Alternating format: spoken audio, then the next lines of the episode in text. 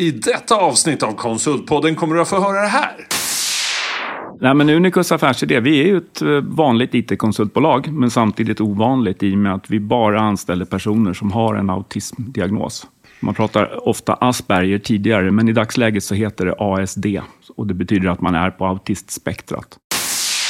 Varför tror du att du fortfarande är ensam på marknaden? Du har fullt med kandidater, du har direktavtal med de här fina kunderna. Vi har massor med stora konsultbolag som skulle kunna starta någon sån här avdelning eller specialistbolag. Det är, en, det är en blue ocean. Det finns inte så många blue oceans. Varför, varför tror du inte fler tar steget?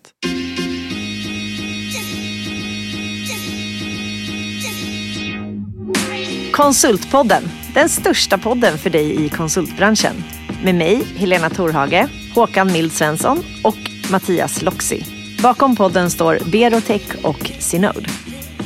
Okej hörni, Konsultpodden. Vi är tillbaka 2023.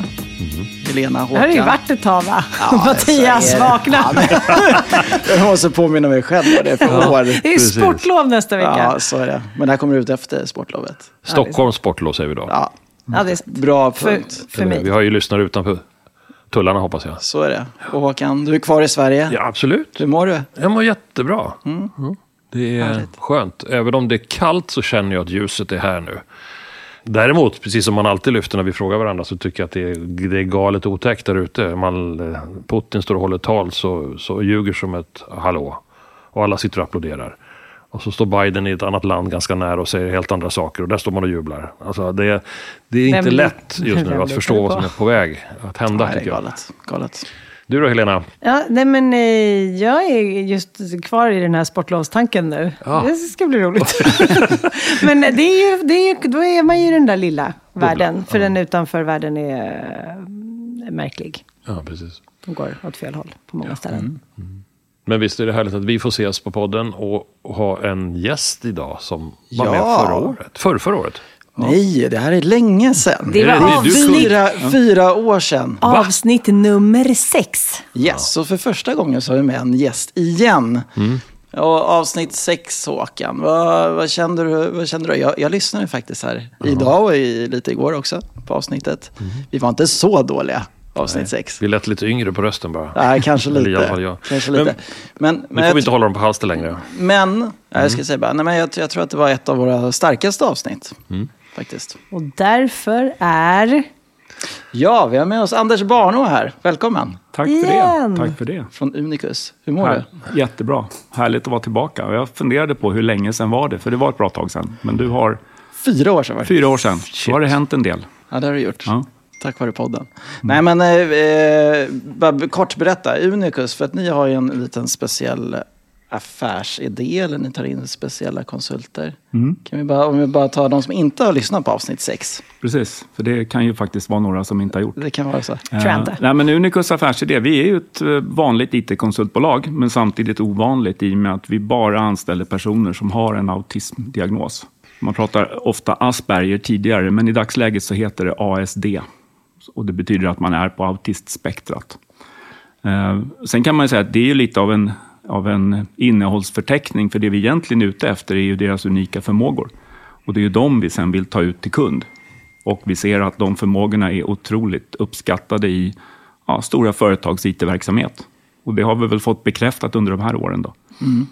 Ja, ni har vuxit eh, galet snabbt. Ja, och jag tror att vi, när vi, vi pratade om, då när vi såg så var vi kanske upp, runt 20. Eftersom jag är säljare så kanske det var i underkant 20, men jag sa 20. Eh, och idag så har vi passerat, vi har 60 konsulter och är nästan 70 anställda. Och så finns vi i Göteborg, och Malmö och Stockholm. Fantastiskt. Och du, du hoppade på, för du, du har ju varit vd för mer vanliga konsultföretag och varit länge i konsultbranschen men kände att där, där var det liksom, nu, där jagade siffror, omsättning och debiteringsgrad och du ville ha någonting mer. Hur, hur kom du in på Unicus bara kort? Nej, men det var, alltså, jag satt hemma och kände det, att, att vad, vad är det som driver och vad är det som motiverar? Och, och flackade väl med blicken och sökte lite grann och sen så landade ögonen på en annons från norska Unicus. Och det var ju första gången som jag läste på vad Asperger, som det då hette, eh, var och insåg att det här tillför liksom en, en ny dimension till de kunder jag till dess hade jobbat med. Och för min del så betyder det liksom att det, det, alltså vi, vi skapar ju en, en samhällsförändring i det stora genom att vi kommer att använda den här gruppen som väldigt ofta är arbetslös. Och samtidigt så får vi ju individer att växa. För det är klart att gå ifrån att vara arbetslös och kanske inte riktigt se sitt nästa steg i livet till att få kliva in och liksom bli viktig. Det, det är en häftig känsla. Och det är någonstans det som, som driver mig och mina kollegor i vardagen, att vi vet att vi, vi gör nytta både i det stora och det lilla. Så att säga. Mm. Ja, jag tycker att ni har gjort en fantastisk resa. Vi, vi ska komma in mer på det. Ska vi börja ta våra? Vi, vi har ju ett litet tema under våren. Vi hade vårt ja. första avsnitt. Den kom lite bort, eh, kanske Men Vi kör den nu tidigt. Eh, vi, vi, vi, kör den. Men vi, vi har ju en, en tanke på att här under våren få fram hur bygger man ett framgångsrikt eh, konsultföretag. Och om, om, om du tänker Anders, eh, har du några tankar? Nu har ju du bytt till ett framgångsrikt. Man, man kanske ja. också måste fundera lite på vad framgång är för varje person som mm. får frågan. Mm. Mm. Um. Nej, men jag tror att det finns ju liksom några... Alltså, det är klart att, att för mig var det här att hitta varför. Liksom. Eh, och någonting som är lite större än att det bara blir mer omsättning och bättre vinst. Eh, sen tror jag att det kanske också är kopplat till liksom ålder. För jag, menar, jag, jag hade passerat 50 vid det där laget liksom, och, och, då kanske man tänker lite annorlunda. Eh, skulle man vara yngre och starta ett konsultbolag idag så tänker jag att det, det viktiga är ju att, att bestämma sig för om man vill vara en, en, en resursleverantör och kliva in under de olika mäklarna. För det är ju den primära säljkanalen någonstans. Eh, eller om man då kan bygga någon specialitet som gör att man själv kan gå direkt mot kund. Det skulle jag lägga rätt mycket tid på. För jag mm. tänkte när jag började i branschen 95, då fanns ju inte mäklarna, utan då jobbade man ju alltid direkt mot, mot kund, även som resurssäljare. Så jag tycker att de förändringarna i marknaden gör liksom att man behöver fundera lite över sin strategi och mm. göra ett val. Den skulle jag lägga mycket tid på om jag startade om någonstans nu. Mm. Tror du att du skulle välja att jobba med de här unika förmågorna som ni har på Unicus om du gjorde någonting eget också? Det, den är ju svårare liksom. Så. Uh, nu är jag lite biased så. Uh, men jag tror inte att jag hade kommit på den själv. Nej. Det kan jag väl säga. Utan som sagt, jag visste inte vad, vad det var ens. Och jag vet att vår grundare eh, Lars, han, han hittade ju liksom en artikel om specialisterna i Danmark som gjorde det här tidigt. Och han blev inspirerad och, och drog igång.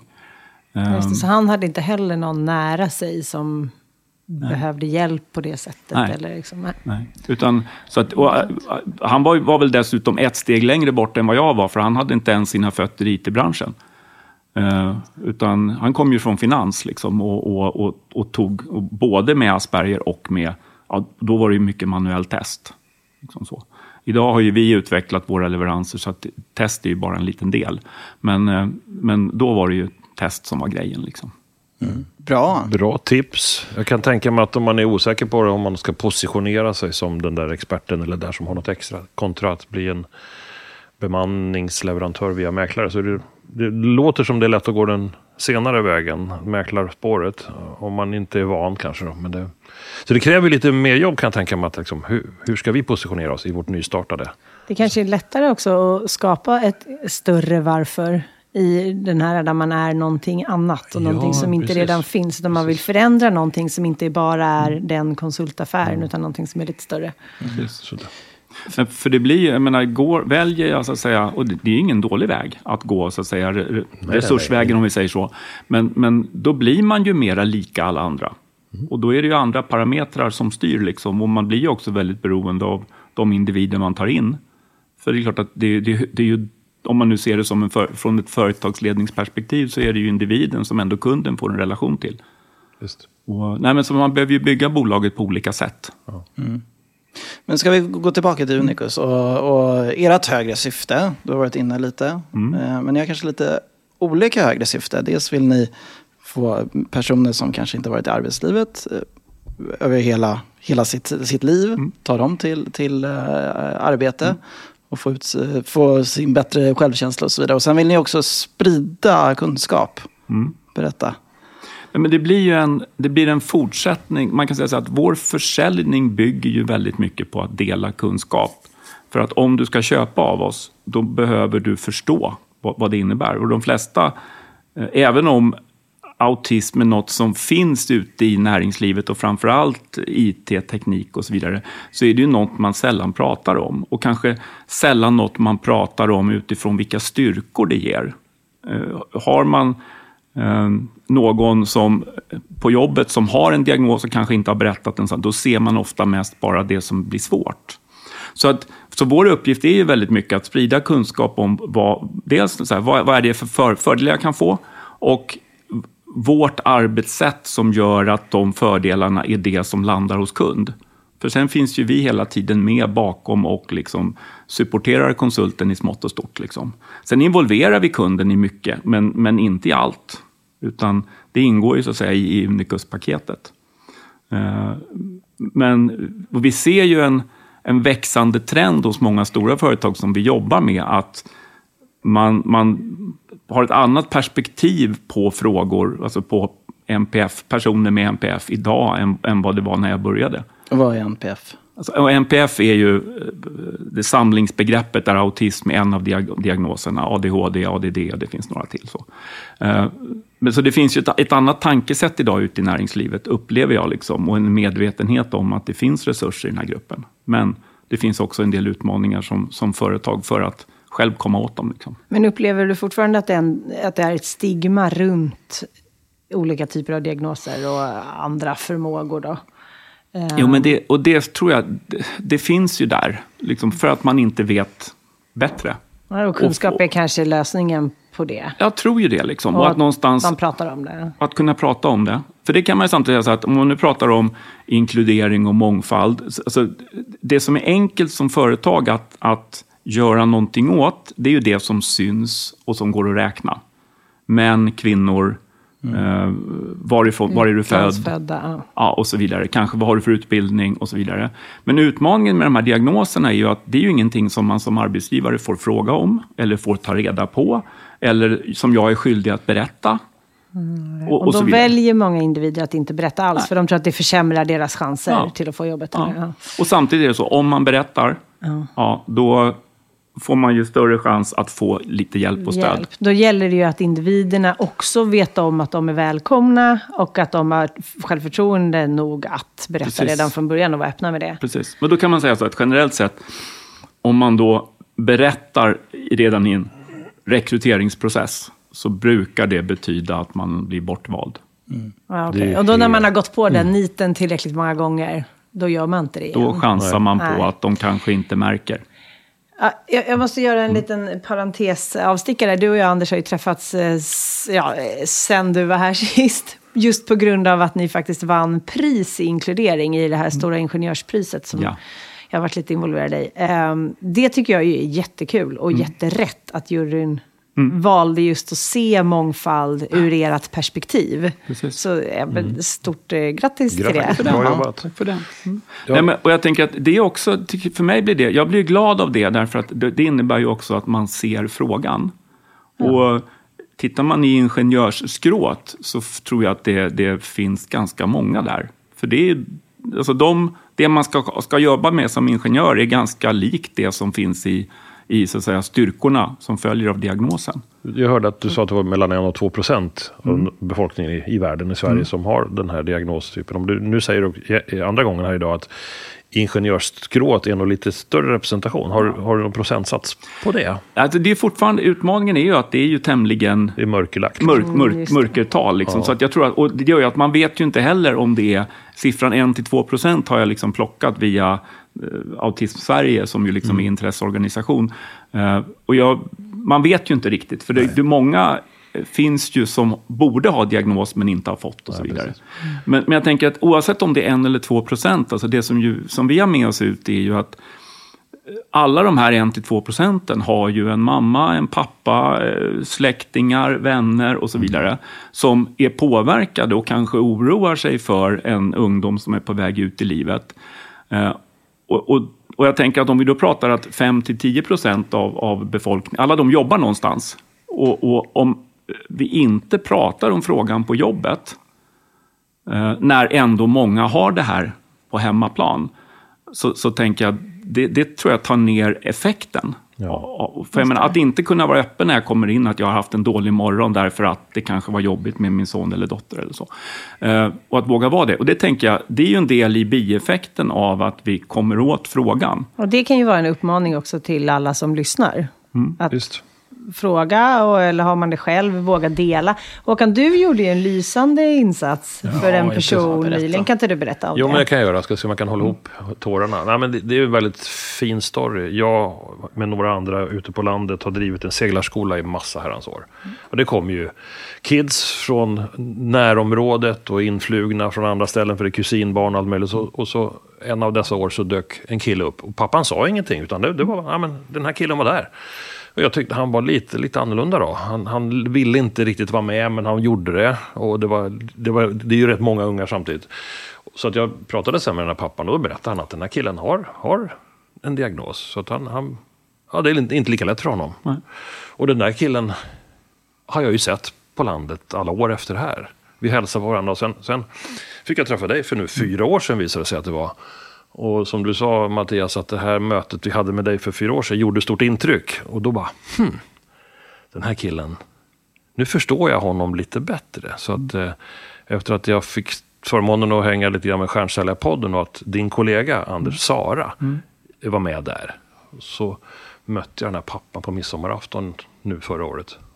Och han var en sån där förälder då, som undrar hur ska det bli? Mm.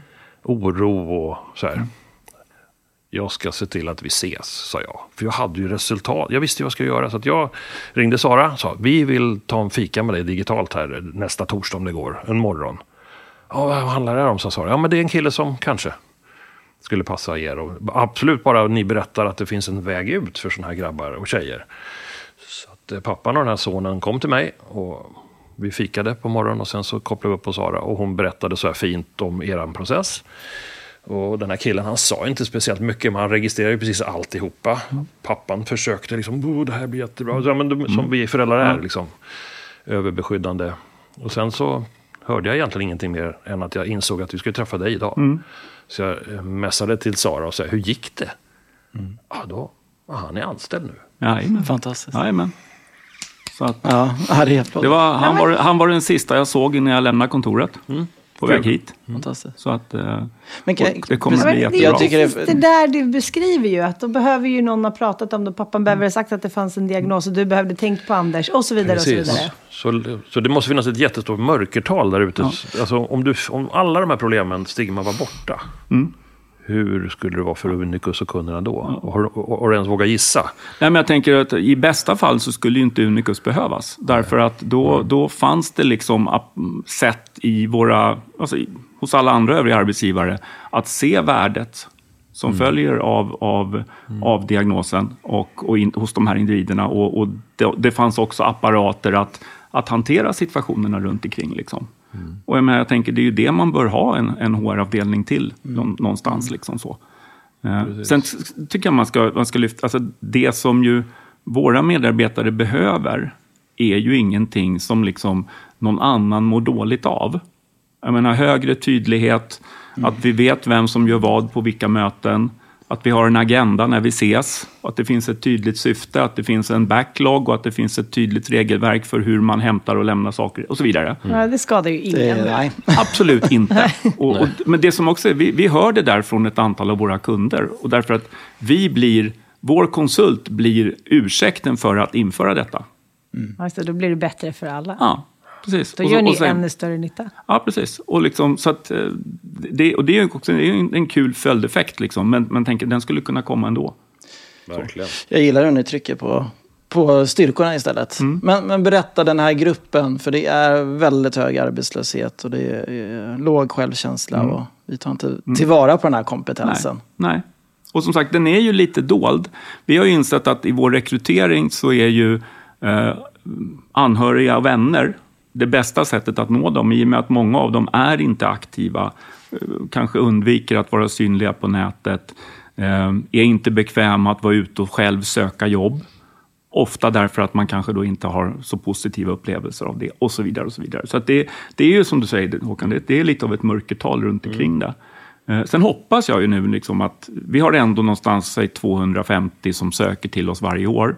Och det är klart att de har ju uppmärksammat något och ser att det, förhoppningsvis upplever de ju oss som ett ljus i tunneln där Mm. borta.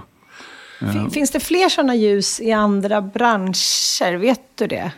Jag vet, någon kanske inte vill vara i IT-branschen även om den har just de här förmågorna Ja. som passar Nej, där. alltså jag har lite dåligt, dåligt koll ut, utanför. Och, och jag tror att det är ju liksom en... Här har ju vi nytta av att, att någonstans IT-branschen fungerar. Alltså det finns Ja, en, en fungerande passar, ja. Mm. apparat också för att köpa och sälja resurser och sådär. Så att, jag tror att andra... Där är det nog kanske snarare att man liksom inser att det finns vissa egenskaper som är bra att ha i ett team. Men då blir- innebär det att man tar in en medarbetare och kanske anställer eller någonting sånt där. Liksom. Ehm, Men ehm, mm. Ni är fortfarande själva. Det finns mycket att göra.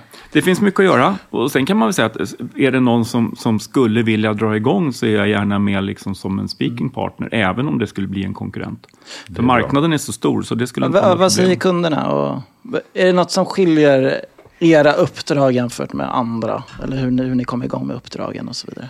Ja, men det skiljer ju lite grann på det sättet att vi svarar aldrig på någon, några förfrågningar eller liksom någonting sånt. Utan vi utgår ju alltid från, alltså vi börjar med att träffa eh, de tilltänkta cheferna. Och sen så handlar det ju om att den chef som ska göra en affär med oss måste vilja och våga. Sen kan man säga, vad, vad är vad i det där? Vi brukar ju prata om att de vi jobbar med är lite modernare och lite, mo, alltså, lite Vad modigare är det för ledare. kunder? Eh, men vi pratar stora svenska företag. Idag är Vattenfall vår största kund och vi har ju liksom jobbat med SEB sedan 2017. Vi har Swedbank, vi har Handelsbanken, vi har Alfa Laval, Scania, Postnord, SVT. Ja, det finns fler. Eh, och sen har vi ett antal ramavtal där vi ännu inte har kommit igång och börjat leverera. Eh, så att eh, det finns ett jättebra kundcase förresten som vi precis har gått ut med från tre. Som eh, ja, på ett otroligt bra sätt visar hur de, de använder våra förmågor. Eh, nej, men så det är stora svenska företag eh, generellt. Och, och vi vänder oss till dem för vi inser ju att får vi, in, får vi till en så har vi en intern referens och så är det lättare att få till nästa. Och sen samtidigt så finns det ju stora behov i de här organisationerna.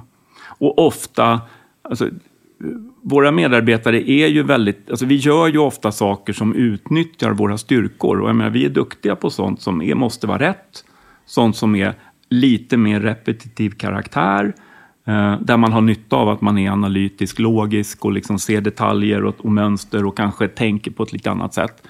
Eh, och det gör ju att vi ofta är med och så här lite grann designar arbetsuppgifterna. Eh, och, och så kan man ju tänka det på lite olika sätt. Men jag tror ju att använder man oss smart, då tänker man ju att vi har ett utvecklingsteam som består av ett antal personer. Och de är bra på vissa saker och sen finns det vissa saker som de kanske inte tycker är världens roligaste. Eh, supportärenden och vad det kan tänkas vara brukar vara såna här saker som, som att, att rätta buggar i efter. Alltså det kan finnas mycket sånt. Och de där arbetsuppgifterna är helt perfekta för oss. Och så idén är ju någonstans, använd oss till det vi är bra på så kan det frigöra en hel del resurser till, till resten av teamen. Och det, det kan jag uppleva att fler och fler kunder börjar förstå och börjar se. Som så. Har ni haft samma liksom, läge som resten av konsultbranschen? Att det liksom varit svårt att hitta, svårt att rekrytera och det har funnits ett jäkla drag hos kunderna? Uh, alltså, alltså, jag, jag drag För ni, för ni ja. rekryterar ju en helt annan pool. så Precis, jag tänker att det precis. kanske inte... Ja, men det är därför Nej. Mm. jag funderar på om det inte riktigt eh, följer. Nej, men vi, vi, jag tror att vi, alltså, draget hos kunderna lever ju vi på. Och det är klart att det är ju en del i att det inte är kanske helt lätt att hitta människor. Då kan vi vara med och så säga, skjuta in på lite olika sätt liksom, och vara med och skapa roller där vi passar och att man kanske då istället för att, att ta in den fjärde specialisten så tar man in oss och så använder man de, de tre man hade. Men sen är det så att rekryteringsvägen har ju vi ingen, alltså inget, inga problem. Alltså det, det som ju är så att säga, flaskhalsen för oss, det är ju hur många vi kan ta in, köra genom vår praktik som är tre månader och som vi sen kan få ut i, i kunduppdrag. Men eh, ju fler kunder vi har, alltså praktiken kan vi, vi kan stoppa in många fler. Men vi har ju en ambition att vi, men nu är vi 60 konsulter och ambitionen är att vi ska vara 100 när vi stänger böckerna 2024. Och det, det, är ju det målet vi jobbar mot. Sen får vi väl se vad vi sätter för mål efter det.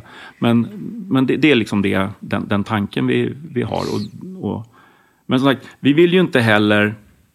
Eh, alltså, vi, vi håller ju emot lite grann därför att vi vet att våra medarbetare behöver lite tid och stöd och komma in i matchen och sånt. Och det är där den här praktiken är. Så vi vill ju inte bara för att vi får för stor efterfrågan så vill vi inte slarva där, för då riskerar vi att få större utmaningar när vi kommer ut i, i, i projekt. Utan vi vill ju att de som går ut ska vara rejält påklädda. Vad händer under praktiken?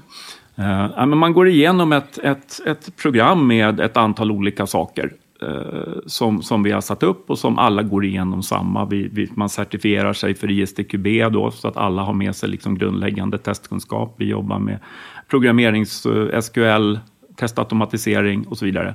Och sen de sista fyra veckorna så, så, riktar man in sig lite om man då har någon specialitet. Vi har någon nu som vill jobba som data engineer och som liksom jobbar med den typen av, av programvaror. Vi har andra som är Java-utvecklare som då fördjupar sig lite. Och de har ju med sig kunskaper in, men jag brukar säga att praktiken syftar ju framför allt till att kommersialisera kunskap.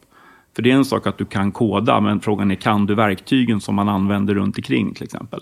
Men programmeringskunskap har ju alla som kommer in till oss och då har man det så är man ju väldigt så att säga, byggbar och användbar.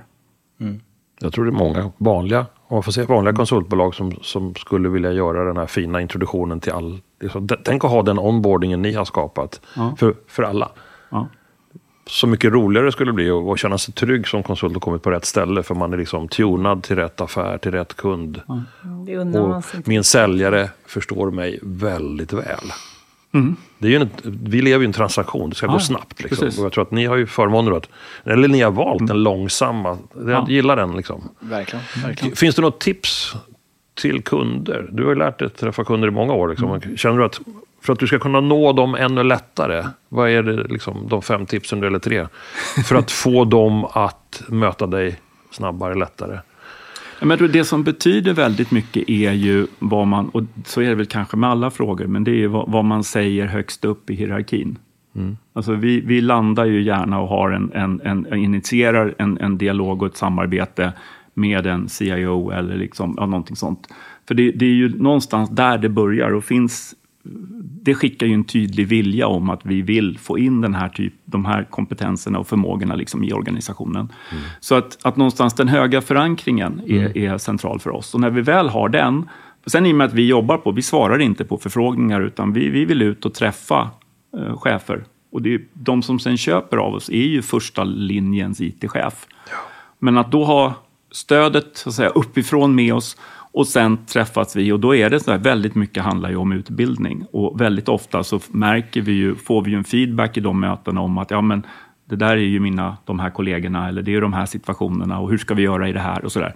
Så att, så att bara det att vi är ute och träffar, och det tror jag man ser från högre nivå, att, att det är ett sätt att liksom lyfta, lyfta frågorna om att använda de här egenskaperna. Sen är det så att alla, eh, det är en match att sen också se vilka chefer är det som är lä i läge att bli de första som vågar? För det, det, finns ändå lite motstånd. Eller att man är inte riktigt, alla är inte lika sugna på att mm. prova något nytt. Och, uh, man kan uppleva att det, det, även om man får hjälp så kan man uppleva att det är en risk. Och man kan vara orolig för vad kommer medarbetarna att tycka och sådär.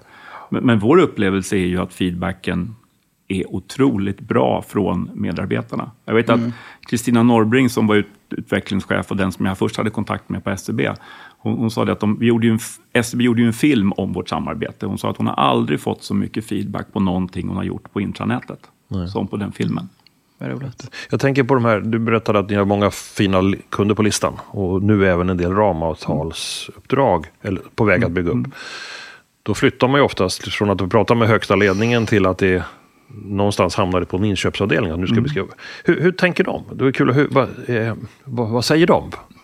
Ja, men jag tror att alltså, går vi direkt till en inköpsavdelning så, så där kommer vi inte fram. Nej. Sen kan man samtidigt säga att utan, eh, sen är det, för jag någonstans inköpsavdelningen, om vi pratar om så att säga, de som utför jobbet, har ju en uppgift att göra upphandlingar på uppdrag av någon annan. Mm. Så att där behöver ju uppdraget att göra ett ramavtal med oss komma Någonstans högre uppifrån i organisationen. Mm. Och där har vi ju i, i, i en av bankerna, där, där kom det från inköpsdirektören Mm. som liksom såg att det här mappade ihop. För det är klart att inkludering, mångfaldsfrågorna ligger ju i led, så det, Den är ju på koncernledningen och, och kan man då se att man kan bidra den här vägen så Mm. kommer man där. Men vanligast är ju liksom att uppdraget då kommer så säga, från en CIO. Ja. Och, och kanske ofta till följd av att vi någonstans har, ja men man har, vi har börjat att prata. Coolt. Jag, jag tycker mig höra, och jag vet inte om jag alls är ute och cyklar nu, men eh, det, mångfald och inkludering ligger på högsta nivå. Det här är viktigt. Jag kan, jag kan känna någon form av eh, dåligt samvetedriven affär från deras, okej vi måste ta tag i det här. Men du säger ju att det finns ju så jädra mycket egenskaper som kommer pa- med paketet. Så egentligen ska man ju inte prata om den här diagnosen överhuvudtaget, utan det är ju and- De får så mycket mer. Precis. Då är det en no-brainer på något sätt. ja. Man har kommit förbi det här rädslan. av, Ja, ja, vi måste också ha det här. Eh, Nej, och, och, det, men det, och det är dit man vill komma, liksom, att det någonstans är styrkorna som, som värderas. ja. Men sen, och sen kan man naturligtvis fundera på hur alltså med styrkorna, för jag tänker ju att någonstans summan av och summan är ju liksom på något sätt alltid konstant. Och klart att har jag mycket av något så kanske det är något annat som jag behöver kompensera för. Och det tror jag gäller oss alla.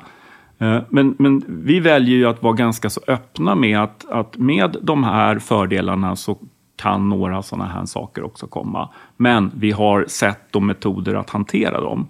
Så att, så att i försäljningen så behöver man ju se både och. Liksom. För, vi, för vi vill inte heller att någon ska köpa bara på att, att trycka in någon baserat på de starka. Utan, Nej, nej, nej. utan vi behöver få in helheten för vi känner att annars blir det inte långsiktigt hållbart. Nej. Eh, Men jag tror att det viktiga är att, att fundera igenom vad är det för egenskaper som egentligen krävs för att göra det här jobbet. Visst. Liksom, det, det är det som är Ja. den stora grejen. Och, och det är ju inte bara när jag tar in en konsult, utan det borde ju vara, dit skulle man ju vilja även när man rekryterar. Ja, visst. Den kan vi också komma in på. Men, men jag tänkte, eh, vi pratade om det till och med för fyra år sedan. Varför tror du att du fortfarande är ensam på marknaden? Du har fullt med kandidater, du har direktavtal med de här fina kunderna. Vi har massor med stora konsultbolag. Skulle du kunna starta någon sån här avdelning eller specialistbolag? Det är, en, det är en blue ocean. Det finns inte så många blue oceans. Varför, varför tror du inte fler tar steget? Ja, nej, den är ju, alltså rent så att säga, tittar man på eh, utbud och efterfrågan så borde det hända mycket mer. Kanske gör det efter det här avsnittet. Man, man vet, ja, nej, men som sagt, jag kan gärna, man får gärna ringa så kan vi prata. Eh, och, men det är klart att det, det, är ju, det kan ju upplevas som någonting som är lite annorlunda och ja, jag vet inte. Men det måste ju också vara en lättnad för många att det finns den här vägen att gå. Ja. Man kanske inte, som grundaren kanske inte själv har en, den typen av diagnos i alla fall. Men liksom att man känner personer, så att det, finns massa i ens närhet som man vill hjälpa. Och bara, det borde ju kunna driva ganska många till att starta något Ja. liknande. Ja. Inhouse eller utanför. Liksom. Men, men man kan ju bara göra en annan ref- reflektion kring, kring skolan. Så där. Om, om, om man, det är en skock elever på 24 stycken i skolan och så är det ett par grabbar längst bak. Jag var en av dem. Liksom. Snudd på in i obsklass. Alltså, det var ingen utredning om vilka jag satt och hängde med där längst bak. Utan det, man packar ihop dem i en hörna så in i ett annat rum så att de inte stör de andra. Redan där är ju stigmat på gång. Och jag tror inte det finns någon lärare i världen som hinner och har kunskapen i alla lägen att förstå precis de här drivkrafterna. Tänk om man kunde börja redan där. Men samtidigt har ju många får ju diagnoser nu. Och eh, det som kan vara på den negativa sidan av det, det är ju om den individen använder diagnosen som en ursäkt för att inte vara schysst. För det ser jag ju också bland barnen i skolan bland annat. Men jag tror fördelen är någonstans att man får en förklaring man till får sig själv. Varför, ja. varför Men jag sen- är lite udda eller varför, varför är det Men sen det kan det ju fortfarande vara jätte, jättejobbigt och då blir det en massa frustration och så blir det ändå så här ett utåtagerande beteende. så Men jag, känner, jag vill bara säga att det, känns, Ja. som- man måste ju börja redan där. För Ja. de där ungarna grann, Mm. kommer ju bli ledare, några av dem. Och Absolut. har de en erfarenhet om Kalle, Mm. vet han, som satt och hängde längst bak. Men då, jag vill liksom bygga långt tidigare om det Ja, gick. Liksom. Ja, men vad, vad gör vi då? Om det finns en ganska, nu kan jag inte siffrorna, men det måste finnas jättemånga arbetslösa personer som är det på grund av den här anledningen. Ja, och alla kanske inte kan börja på Unicus. Nej, men om man tittar ännu större då, vad, hur hjälper vi dem? Mm. vad kan vi göra? Förutom att sprida eh, kunskap, kanske genom podden och att du är ute. Men det måste ju bli fler som pratar för frågan. Det känns ju som det finns så mycket att vinna. Inte bara för den här individen som kanske till och med blir lyckligare och liksom mm. känner större motivation i livet.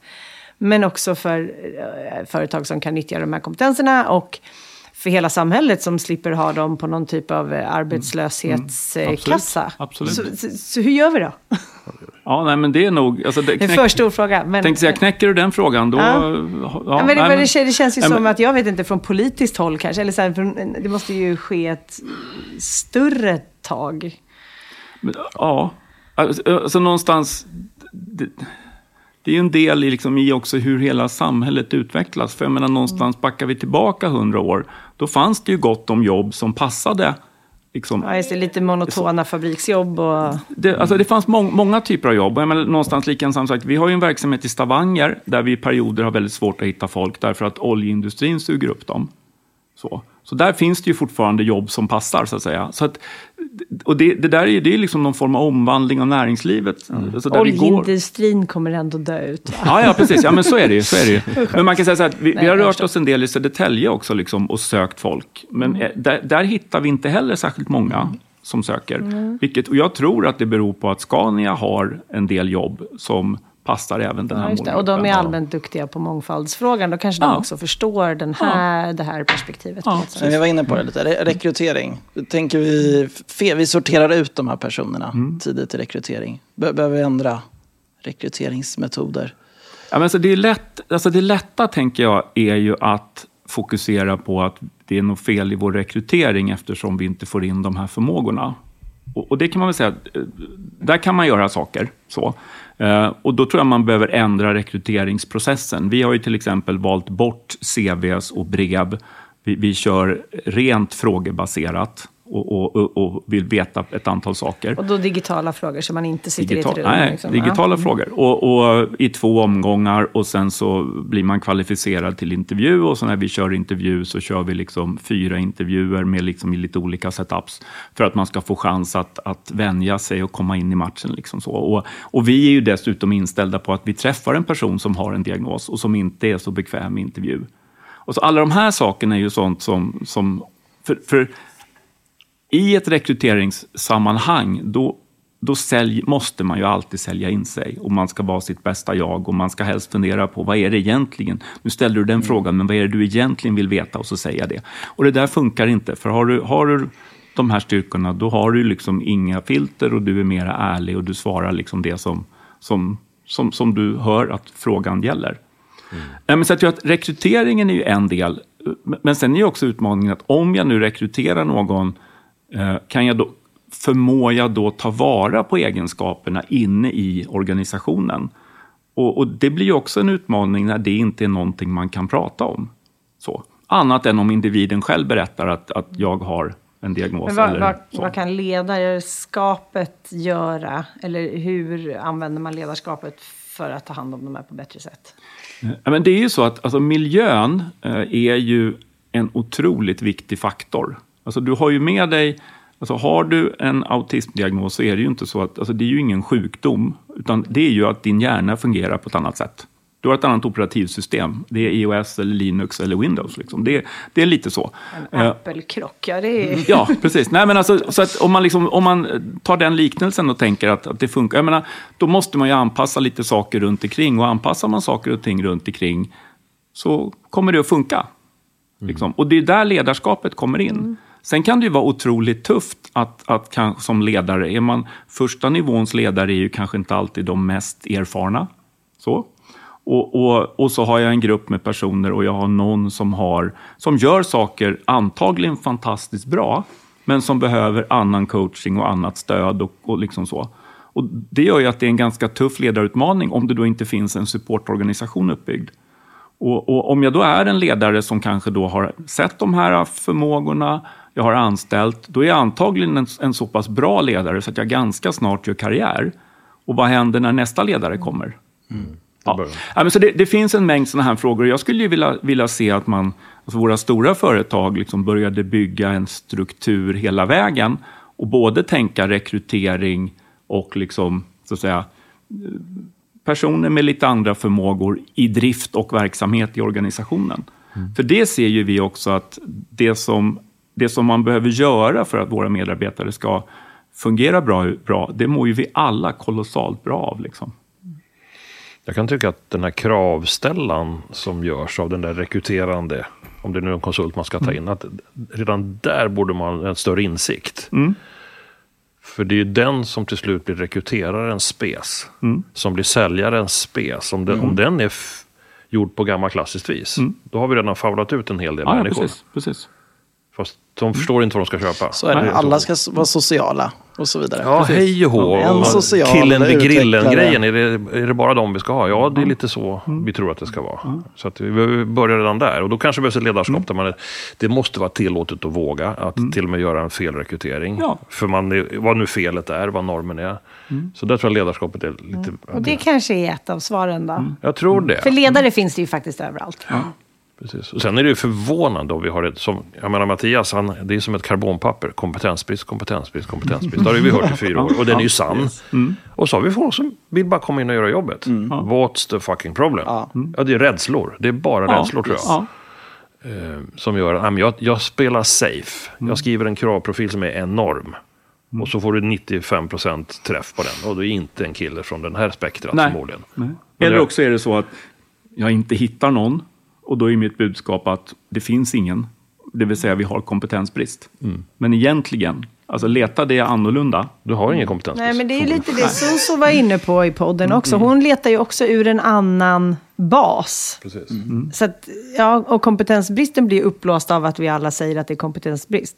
På något sätt. Ja. Ja, Och för att vi liksom söker samma... Ja, och, så, ja, precis, Ja, samma, och kanske därför att vi återanvänder samma kravlista i väldigt hög utsträckning. Så att, eh, Ja, och vi vet ju att eh, med ett mångfaldsperspektiv så blir saker bättre. Men det är ju en jobbig väg att gå Ja. bara. Att det är lite skavigt och lite obekvämt på vägen. ja, men det, det kräver ju ja, ja, liksom någonstans... Det, det är ju ändå ledarskapet det sitter. Och det, det är ju vi som har förmånen att, att, att vara i ledarpositioner. Det, det är ju vi som kan göra skillnad. Och, så, så att det, det, är där man landar. Men tänk att få se dig gå ut och bara hålla ett föredrag i en vanlig organisation där, den här normalfördelningen av oss människor är där. Och du talar på det här sättet till dem i, som i grupp och ledaren är på plats. Och då kommer ju någon känna igen sig att jag är ändå den där killen som skaver lite, det har inte riktigt samma som de alltså, Det måste ju kännas som en befriande att det, här, att det här kommer ut. Och då kanske de börjar prata med varandra också. Ja, precis. Nej, men jag tänker att det är ju just den dialogen som, som ofta följer. Alltså, vi öppnar liksom en dörr någonstans när vi kommer in och startar ett uppdrag och sätter igång. Och sen så, så händer det väldigt roliga saker, eller spännande och bra saker efter det. Liksom. Fantastiskt. Ja, fantastiskt. För, för precis, jag vet inte om vi var inne på det, för ni har en work buddy och ni är ofta så, så är ni ute och pratar med teamet inför det här. Och då Vi blir det ofta diskussioner. Absolut. Alltså, vi är ju transparenta hela vägen från första kontakt med ja, på, på chefsnivån, vad det är vi, vi levererar om vi får förtroendet. Och sen så har vi byggt upp den modellen att vi, vi vill ha en work buddy i teamet som man, ja, men en go-to-hen som man liksom kan få hjälp och stöd av och som vi kan utbilda lite mer och kanske framförallt kring den individen.